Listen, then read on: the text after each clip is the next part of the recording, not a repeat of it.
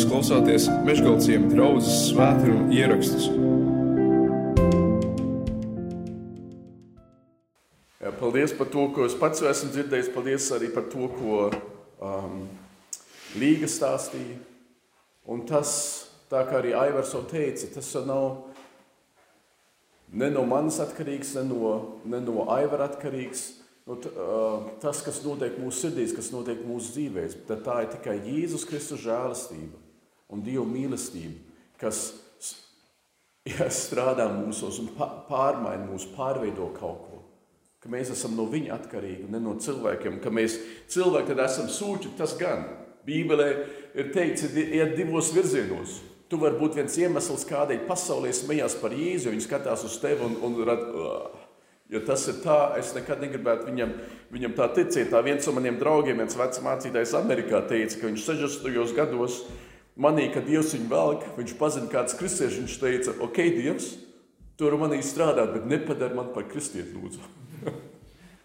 bet tad no otras puses mēs zinām to, būt par kristieti, ka, ka ir tāds cita ceļa jau uz pestīšanu īstenībā nav kā sekot Kristum, un ar to tu esi mazs Kristus, ar to tu esi mazs kristietis. Un tā, redzot to, un redzot arī, kā Dievs darbojas mūsu vidū, tas ir liels, liels prieks, jo tā ir žēlastība. To mēs nevaram pavēlēt, tā ir tikai Dieva žēlastība, ja Viņš izšķirās par to, un viņ, Viņš to dara mūsu, mūsu starpā. Un es domāju, mēs jau ilgojamies pēc Viņa žēlastības, pēc Viņa darbības, pēc tā, ka Viņš darbojās, ka Viņš mūs pasargā, ka mums iet labi. Ir sevišķi mūsu laikos, mūsu dienās. Ja kad dzird par kariem, slimības atkal iesasnāk, gripa nāk, pandēmija vēl uz laiku nav beigusies, izaicinājumi, cilvēki baidās par to, vai varēs samaksāt enerģiju, vai nu, vai nu tā būtu kurināšana vai elektrība. Visas, tā, visas tās rūpes, kas nāk. Ja, ir sevišķi šajās, šajās dienās, un tad, kad es par to domāju, tad es labprāt vēlētos būt neievainojams.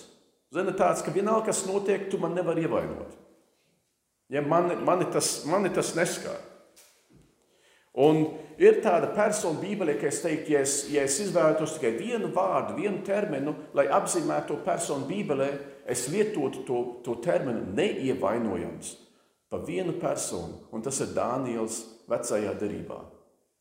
Ne tādēļ, ka viņš nebūtu kaut ko šausmīgi piedzīvojis. Aizvest 16, 17 gadu vecumā gūstā, trimdā uz, uz uz Bābeli no, no Jeruzalemes. Visu savu mūžu tur pavadījis. Arī tā, tie izaicinājumi, tās grūtības. Viņam, viņam tur bija viņa trīs draugi, kas tika apdraudēti ar, ar dzīvību, kas tur arī apliecināja, mūsu kungs ir varens, mūsu ķēniņu no tavas rokas izglābt.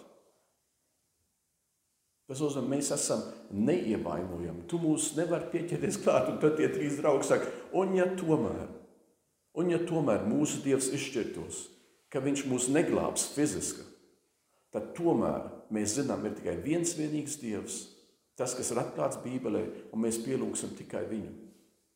Bet tā, būt neievainojam, ne, ne, neievainojamam, ne jau tā, zin, ka tu griez kartupeļus un iegriez savu pirkstā, zin, vai tev as, asins tek, un tā ir jau tā, ne, ne pa tādu, ievain, ne pa tādiem ievainojumiem iet runa. Bet tā, ka patiešām ka tas, kas ap mums apkārt notiek, ka tas mūs neskar tā, ka mēs esam sagrauti. Un es domāju, ka daudz no mums tā vēlās. Latvijā taču ir tā kampaņa pašlaik iet par ņirgāšanos skolā.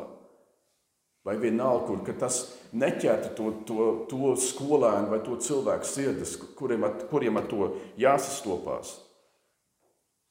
Un tas iemesls, kādēļ citi pat tevi ņirgājās, Tas var būt pilnīgi savāds. Dažreiz padomā, kā par to var. Mans vārds Amadejs bija iemesls, ka mani klases biedri ne tieši pa man ņirgājās, bet man katrā ziņā pavilku zobu. Vienkārši Mocarta dēļ.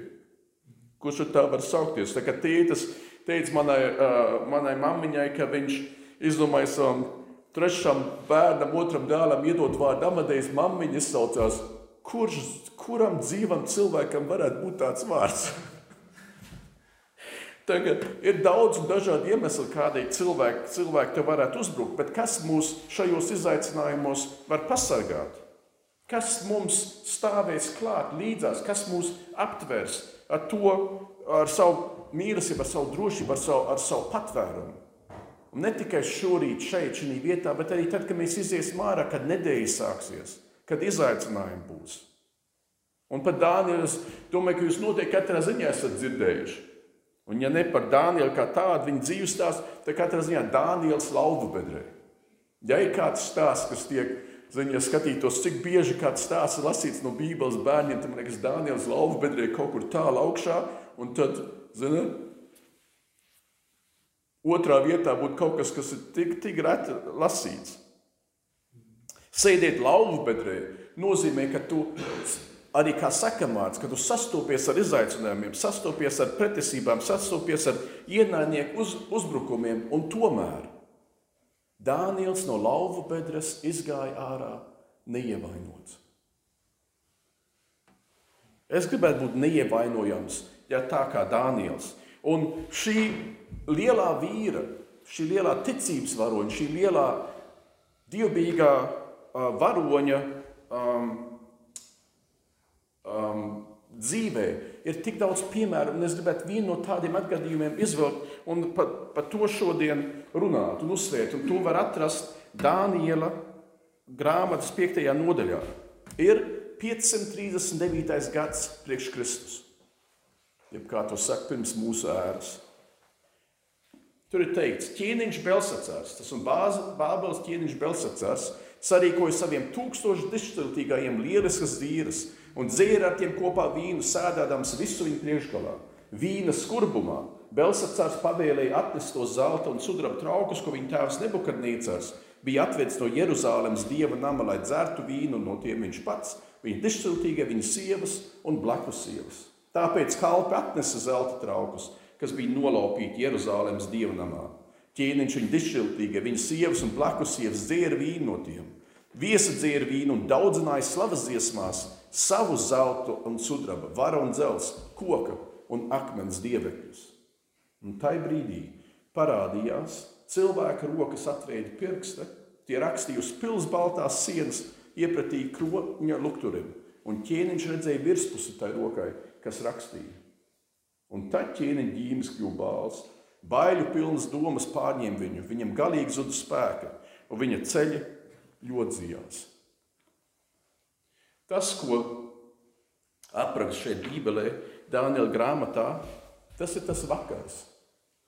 Tas ir tā, tā ir tā nakts, kad lielo galvaspilsētu Bābeli ieņems mīdiešu un persiešu karaspēks. Tā ir vakarā tā pilsēta kritīs. Interesanti ir tas, ka jau Jeremija 27. nodaļā, pirms tā visa, 70 gadus pirms šiem notikumiem, jau raksta tiem, kas tika aizvesti gūstā trimdā uz Bābeli, tā kā arī Dānijas.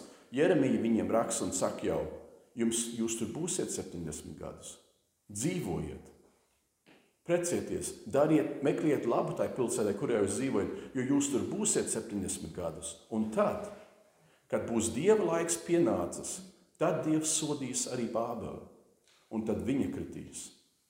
Un viņa kļūs par vergu citiem ķēniņiem un citām varām. Jo teikts, Ejeremijas grāmatas 27. nodaļā, 6. un 7. pantā. Un šeit Dāniela grāmatā, 5. nodaļā, ir tas piepildījums 70 gadus pēc tā pravietojuma. Mēdieši un persieši stāv Bābeles vārtu priekšā, bet ķēniņš Un īsumā Bābelē, ja Babilonijai toreiz bija divi ķēniņi vienmēr, jo tā valsts bija tik liela. Belsacāra tēvs Nabonīdas bija dienvidos prom, un Belsacārs bija tas, kas bija, kas bija Bābelē. Viņš sāk svinēt, un viņš ne tikai svin, tā kā Bībelē rakstīts, tās ir dzīves. Viņi piedzerās kā dūle. Un kādēļ arī ne?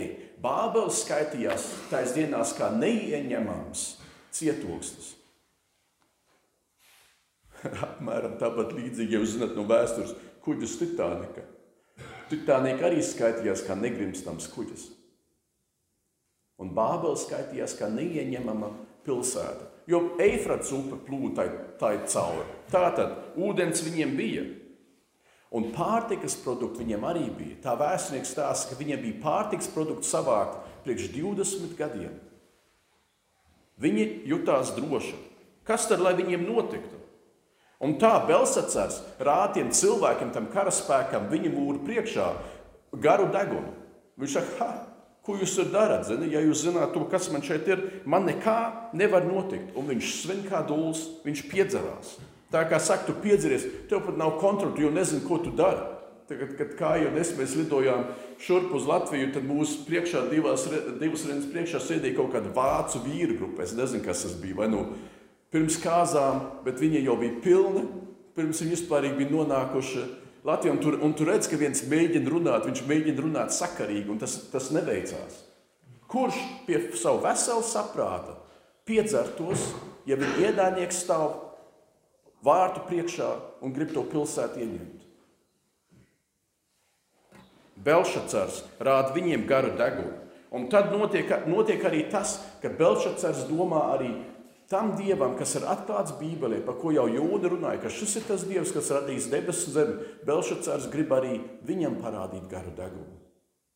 Un viņš savāc no tempļa atvestos priekšmetus, lietotos savā dzīvēm, Un kā viņi teikt, viņi dzied slavas dziesmas, un kā Dāniels uzsver tiem dievekļiem, tiem, kas tiek pielūgti kā dievi, bet kas nav dievi, kas ir taisīti no varbūt skaistiem materiāliem, no zelta, no sudraba, no vara, no akmens, no koka, bet kas tomēr ir nedzīvi. Ne viņi dzird, ne viņi runā. Cilvēks viņus uzstājas, un tad cilvēks viņus pielūdz. Bet tas nav patiesais dievs. Un tad parādījās, parādījās tā roka un ķēniņa ģīmis kļuva bāls, un viņš pārbijās. Un tad viņš bļauj skaļi savā tēlā, jūs varat lasīt to tālāk, piektā nodaļā. Viņš bļauj, viņš satracina visu savu galvaspilsētu, jo viņš meklē atbildi, kas tas tagad ir. Ka tas ir kaut kas pārdabīgs, tas ir skaidrs, kas tas ir. Un tad ķēniņa māte dzirdējusi par to, tā ienāk iekšā un tā saka, ir starp mums viens vīrs, kurā ir dieva gars, Dāniels. To tev vajadzētu dabūt. Un tas noteikti varēs pateikt, kas šeit notiek. Un Dāniels ierodās. Dānielu aizveda trimdā gūstā 16, 17 gadu vecumā. Tas bija 605. gadā priekš Kristus. Tagad ir 539. gads. Dāniels ir vecs vīrs, 82 vai 83 gadu vecs. Un viņš nāk, un viņš nostājās ķīniņa, ķīniņa priekšā. Un tad, sākot ar 17. 17. pantu, ir teikts, Dāniels atbildēja ķīniņam un sacīja: Paturi savas dāvanas, jo Belšacars teica, tu man varēsi pateikt, ko tas nozīmē. Es tev padarīšu par bagātu vīru. Dāniels atbildēja ķīniņam, sacīja: Paturi savas dāvanas, dod savu atalgojumu citam, bet šo rakstu es izlasīšu, un to es ķīniņam izskaidrošu. Ak, ķīniņ, visu varenais tēv, Dievs deva tavam tēvam Nebukadnīcaram valstību un varu, slavu un godu. Nebukadnīcars nav burtis tēvs, bet tagad pēcnācējs vai, vai priekšgājējs ķēniņš to uzskatīja par tēvu tam nākamam ķēniņam. Tās varas priekšā, ja Nebukadnīca valstība varu slavu un godu, un tās varas priekšā, ko Dievs bija devis, trīcēja un drebēja visas tautas un ciltas valodu vienības. Viņš nokāpa, ko vien viņš gribēja, un atstāja arī dzīvi, ko gribēja. Viņš paaugstināja, ko gribēja, un pazemoja tāpat, ko vien viņš gribēja. Bet kad viņa Nebukadnīcas sirds palika pārāk lepna, un viņa gars apcietinājās līdz pārgalvībai, tad viņu nogāza no troņa un atņēma viņa godību. Par to ir stāstīts Dāniela grāmatā, ka viņš nebukadnīcars kļuva līdzīgs dzīvniekam. Viņu izstūma no cilvēka sabiedrības, viņš noslīdēja lopu kārtā. Dzīvnieciska noskaņa viņu pārņēma pilnīgi savā varā. Viņš dzīvoja pie meža ēzeļiem. Viņam deva ēst zāli kā lopiem. Debesu rases lacināja viņu miestiekams. Viņš atzina, ka cilvēku valstis pieder visu augstākajam dievam, un viņš ieceļ tajās par valdnieku, kuru gribēdams. Bābels valdnieks bija kaut kas sevišķs, viņam nebija jāatskaitās nevienam. Kad mīdieši un persieši nāca iekšā, Dānijas grāmatā to var lasīt tālāk. Mīdiešu persiešu ķīniņš vairs nebija tik varants kā Bābels ķīniņš. Viņiem bija likumi.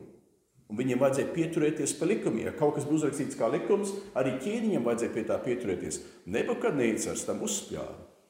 Tā kā viņš gribēja, tā notika. Un šitam varenajam vīram tam vajadzēja arī atzīt, ka ir viens, kas stāv pār viņu. Viens, kas stāv pār visiem cilvēkiem, un tas ir visaugstākais Dievs. Un tad 22. pāns, un tu, viņa dēls Belsacāra, neiedvesi savu pazemību savā sirdī, kaut gan tu visu to zināji. Tu drīzāk esi sacēlies pret debesu kungu, jo dzīvējis kalpi bija spiests atnest tevi un nolikt tev tavā priekšā dieva nama traukus. Un tu un tavi dišciltīgie, tavas sievas, blakus sievas, jūs visi dzērāt vīnu no tiem un daudzinājāt īpašās slavas dziesmās savu sudrabu un zelta, varu un dzelzi, koku un akmens dievs, kas neredz, nedzird un kam nav prāta. Bet tam dievam, kur rokā stāv tava dzīvības dvēsma un visi tavi ceļi un likteņi, tu nedevi godu. Tāpēc viņš sūtīja šo izcilniski veidoto rogu, līdz ar tās darināto uzrakstu. Šādi skan tas raksts, kas tur stāv: Mene, mene, tekel uphārzen. Tam ir šāda nozīme. Mene, Dievs tavas valstības dienas ir skaitījis un tās izbeidzis. Tekel, tu esi svēts svaru kausā un atrast par vieglu. Uphārzen, tava valsts ir dalīta un atdota mēdiešiem un perziešiem.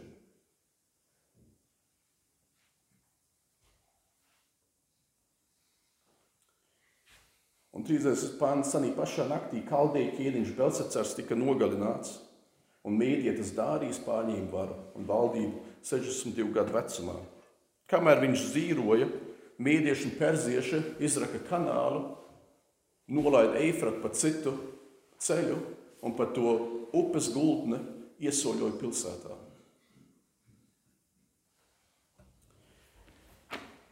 Šis ir viens traģisks stāsts. Belsacārs neizrādījās kā neievainojams, bet tieši pretēji. Un kas man visvairāk aizskar, ir tas, ko Dānijas viņam saka, kaut gan tu visu to zināji. Vai varētu būt kaut kāds traģiskāks pārmetums, kaut kāds smagāks pārmetums, ko tev kāds izsaka, tu esi nonācis šajā situācijā, tu stāvi aizas priekšā, tu varbūt jau krīt lejā. Un tev snāk kāds klāt un saka, kādēļ tu esi šajā situācijā? Kādēļ? Jo tu taču to visu zināji.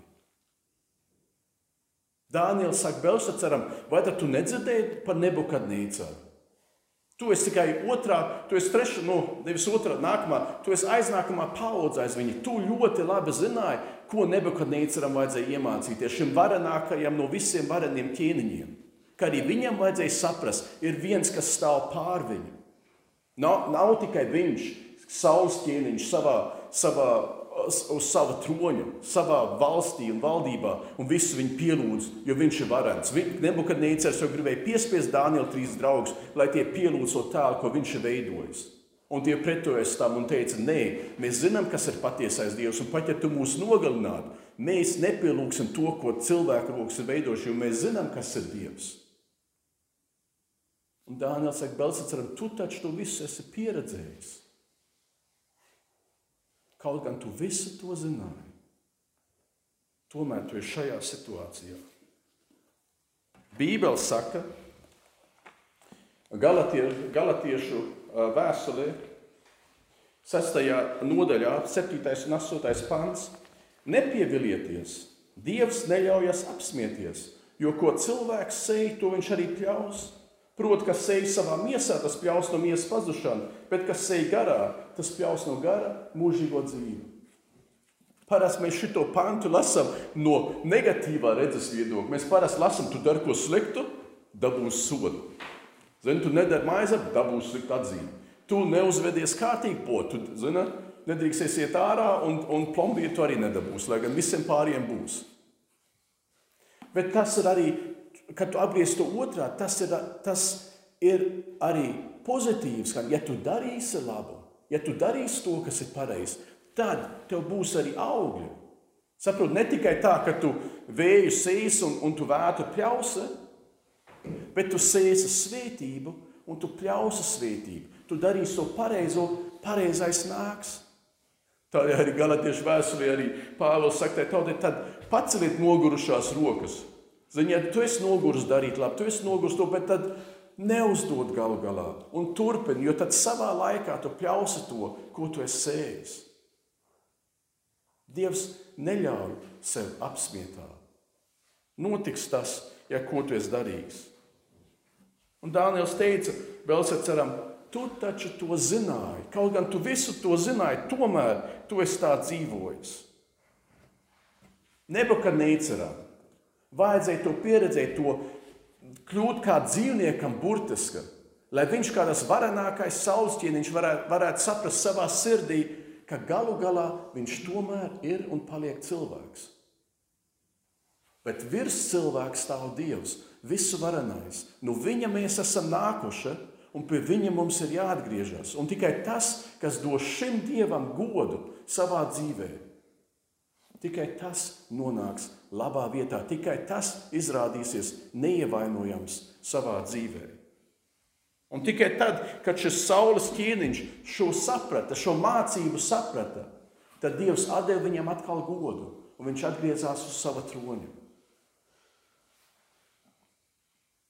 Un Dānijas teica Belsacaram, vai tu savas acis piemiedz, abas divas uzreiz?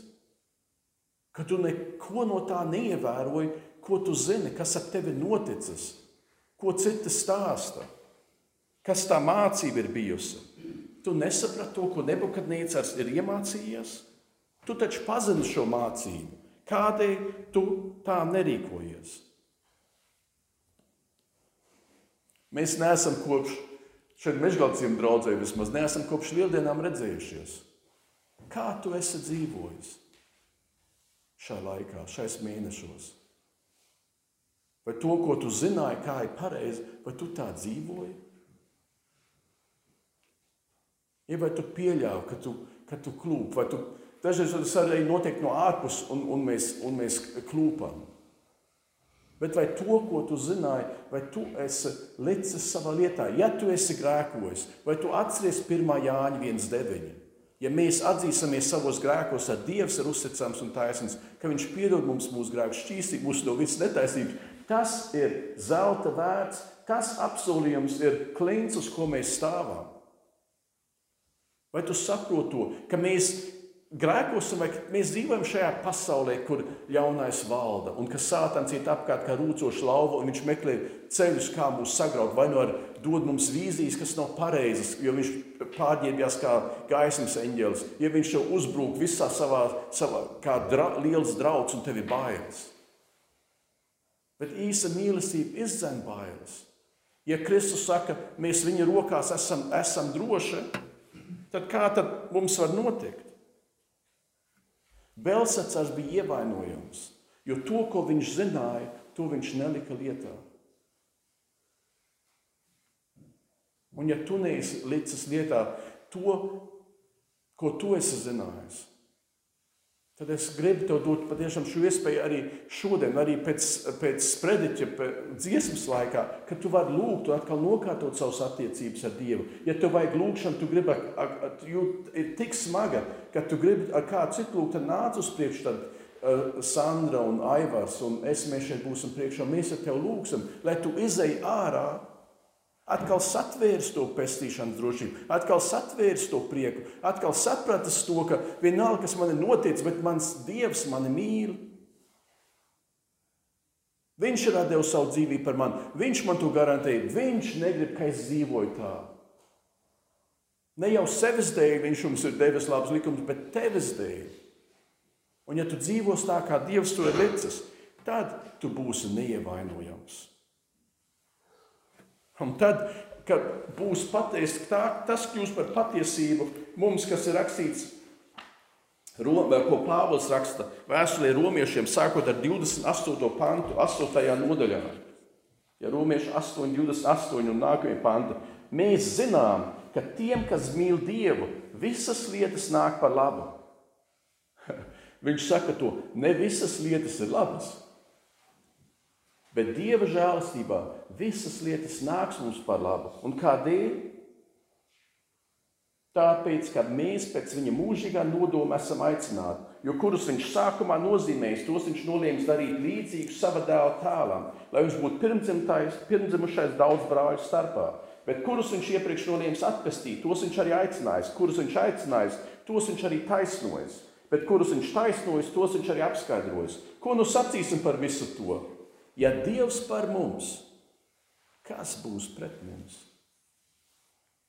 Viņš jau savu pašu dēlu nav audzējis, bet to par mums visiem nodevis nāvei. Kā tad viņš tagad līdz ar to mums nedāvinās visas lietas? Kas vēl apsūdzēs Dievu izredzētos, vai Dievs, kas mūs taisno? Mārtiņš Luters teica, ja vēlams parādās viņa dzīvē un sviež viņa grēkus kā pārmetums viņa sejā un saka, tu esi nāvu un elu pelnījis, tad Mārtiņš Luters pilnī, ar pilnīgu drosmi atklāt, saka vēlnam, jā, tev ir pilnīgi pareizi. Šeit tu nemelo. Tev ir pilnīgi pareizi. Nāvi un eli es esmu pelnījis. Bet es zinu to vienu, kas savu dzīvību ir devis par mani, un man ir atpestījis, un man ir šķīstījis. Un šis viens, kas to ir darījis, tas ir Dieva dēls, Jēzus Kristus. Un tur, kur viņš ir, tur es reiz būšu. Tātad, tu esi nāvu un eli pelnījis. Pastāst man kaut ko jaunu. Tu esi nāvu un eli pelnījis. Un Mārtiņš Luters saka, viņš saka, tad, un no un, kas par to? Jo es zinu to, kas man ir glābis, es zinu to, kas ir mans pesītājs, un es būšu reiz pie viņa, tur, kur viņš ir, ir tagad. Tā ir tā patiesība. To atceries. To atkal satver un sagrāb un, un nelaid, nelaid vaļā. Kas vēl apsūdzēs Dieva izredzētos? 3.3. pants. Vai Dievs, kas mūs taisno?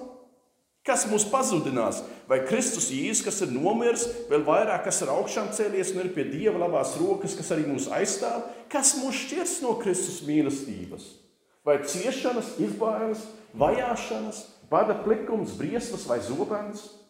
Gluži kā ir rakstīts, tevis dēļ mēs ciešam nāvi auga dienu, mēs tiekam turēti līdzīgi kaujamām avīm, bet nē, visās šīs vietās mēs pār pārim paliekam uzvarētāji tā spēkā, kas mūs mīlējis. Un tāpēc es esmu pārliecināts, ka ne nāve, ne dzīve, ne eņģeļi, ne varas, ne tagad, ne nākotne, ne spēka, ne augstumi, ne dziļumi, ne cita kāda radīta lieta mūs nevarēs šķirt no Dieva mīlestības, kas atklājusies Kristu Jēzu, mūsu kungā. Ja tu to satver un turi cieši apskautu, tu būsi neievainojams. tad tu dzīvos kā Dānijas. Tu piedzīvos to, par ko viņš, ko viņš zināja. Ka Dievā ir pestīšana un Dievā ir glābšana. Es gribētu citēt šeit Bībiju Vorfildu. Viņš teica, tā nav ticība, kas mūs izglābi, bet tā ir ticība Jēzum Kristum. Un precīzāk izsakoties, tāpat nav ticība Jēzum Kristum, kas mūs izglābi, bet tas ir Kristus pats, kas mūs caur ticību glābj. Jo glābšanas spēks nav ticības darbā, zin, tajā, ka mēs ticam. Glābšanas spēks nav ticības tādā um, uzskatā vai nostājā, arī ne ticības būtībā kā tādā. Bet ticības spēks ir tikai ticības objektā. Tā ir lietā, kurā tu iegūti savu ticību. Un tas ir Jēzus Kristus, Dieva dēls. Tādēļ mēs esam pestīti, jo Dieva dēls Jēzus Kristus mūs ir izglābis, jo Viņš mūs ir pestījis. Viņā mēs esam neievainojami. Vienalga, kas ar mums uh, notiek. Un to es tev ielūdzu. Ja tu netici Jēzum Kristum, tā, ja tu satvērs, šo glābiņu, ka tu to šodien dari, ja tu nezini, kā tas, kā tas iet, es tev to labprāt paskaidroju. Ir tikai, ir tikai divi soļi. Un tajā pirmā solī tu dod kaut ko, un Dievs ņem. Un tajā otrā solī Dievs dod, un tu to ņem. Un tas pirmais ir, kad tu Dievam dodi savus pārkāpumus, savus grēkus, tu atzīsies viņos, kā ir teikts 1. Jāņa 1.9. Un tad Dievs tev piedos tos un šķīsīs sev no visas netaisnības. Tu dod Dievam savus grēkus, un Viņš tev sniedz savu piedošanu. Un tas otrais solis ir piedzimšana no jauna. Jāņa 1.12. kuri, kuri viņu uzņēma, kuri Jēzu uzņēma, tiem Dievs teva vara kļūt par Dievu bērniem. Tu esi tagad debesu pilsonis, Dievs tev dod mūžīgo dzīvību. Un tu to saņem kā vērtīgāko, arī ja nepelnīja dāvanu, bet kā vērtīgāko dāvanu, kas ir. Un tā ir tava realitāte. Ja tu to aizmirsti no dienas uz dienu, tā kā Mārtiņam Lutheram vienmēr pārmeta, ka viņš katru nedēļu sludinot šo evaņģēlīju. Viņš atbildēja, jā, bet mani cilvēki katru nedēļu to evaņģēlīju aizmirst. Jo kaut kas notiek, un tu domā, tu neesi pietiekami labs. Kaut kas notiek, zini, ka domā, nē, bet Dievs taču tagad nevarētu. Vai kaut kas notiek, un tu domā, to grēku Dievs taču man nekad nevarētu piedot. Un Mārtiņš Luters tādēļ katru nedēļu atkārtoja to, kas ir evaņģēlīja vēsts un evaņģēlīja patiesība, jo mēs cilvēki esam tādi, ka mēs ātri aizmirstam to, kas īstenībā ir svarīgs. Un mums atkal ir to sev jāatgādina, jālasa Bībele, jālasa Dievā, lai mēs atkal atcerētos to, kas ir patiesība. Jo tā ir patiesība. Kad tu stāvēsi Dievu priekšā savu mūžu beigās, un Viņš tev jautātu, kādēļ ja tu neesi izšķīries par viņu, kādēļ tu izšķīries pa, iet pa kreisi? Ko tu viņam atbildētu? Es nezinu, vai tu izšķīries par viņu, bet ja tu, ja tu visu to zini, un tu neesi vēl izšķīries par Jēzu Kristu, kas tevi attur? Tas ir tas smagākais, pēc manām domām, tas šausmīgākais pārmetums, ko man varētu kāds teikt, ir, bet tu taču to zināji. Kā tu vari, kā, Kādēļ tu esi šeit? Tu esi šeit, kaut gan tu visu to jau zināji. Ja tu šeit sēdi un tev nav šī pestīšanas drošība, tev nav šī pārliecība, ka tu esi neievainojams ar Dievu, tad es tev lūdzu, ka tu šodien izšķiries par Jēzu Kristu. Jo nāvei ir, mēs visi mirsim, un nāvei ir divas izējas tikai, ir tikai divas durvis. Viena no tām ved uz debesīm, Pilnīgi droši, jo Jēzus Kristus teica, es esmu durvis, un viņš teica, es esmu ceļš, patiesība un dzīvība. Neviens netiek pie Dieva tēva kā viens ar mani. Tātad, jā, kas piesaugs Jēzu, lūgs viņam glābšanu, pestīšanu, tas būs atpestīts un tas nonāks debesīs, bet nāve ir arī tās otras durvis. Un tās ved uz elli un uz mūžīgo pazušanu. Un ja tu šeit sēdi, ja tu to visu zini, Kāds pārmetums, kādu pārmetumu tu dzirdētu? Un tas šausmīgākais pārmetums būtu, ja Jēzus teiktu, kādēļ tu esi šeit, šajā situācijā? Kaut gan tu visu to jau zināji. Atgriezies no saviem grēkiem. Tas bija Jēzus pirmais prediķis, tas bija Jāņa Kristītais prediķis. Tā ir visas Bībeles vēsts. Cilvēki atgriezies no saviem grēkiem pie mūžīgā Dieva jo uz tevi gaida nāve. Un ir divas durvis, bet cilvēki izvēlies iet pa Jēzu Kristu, debesu valstībā un iegūt mūžīgo dzīvību. Un, ja tu esi šajā laikā, tā ka varbūt tev pašam ir kauns, vai tu redzi, ka tas ir nepareizi, tad šajā dziesmas laikā es lūgtu, tagad, ka tā taivars vai mūziķis, kas spēlēs, ka tu šajā dziesmas laikā nokārto savas attiecības ar Jēzu, ar Dievu ka tu lūdz viņam atkal atdošanu par to, kas ir darīts, un lūdz viņam, ka viņš tev dod to spēku dzīvot savādāk. Ka viņš tev pasargāt no ļauna, ka, ka viņš tev vada, bet ka tu, ka tu saņem to, to drošību, kas Jēzu Kristu ir, to prieku un to laimi, ko, ko viņš piedāvā. Ka tu arī zini, kas lai tev šķir no Jēzus Kristus mīlestības. Nekas, ne spēka, ne varas, ne kas ir debesīs, kas, kas ir virs zemes, ne slimības. Nekas to nevar izdarīt un kad atgriezās pie Jēzus ar, ar prieku. Un, ja tev vajag lūgšanu, ja tu gribi nākt ar mums lūgt, tad mēs sev ielūdzam, dari to tiešām šī, šī, pēc šīs dziesmas, šī dievkalpojuma beigās. Āmen.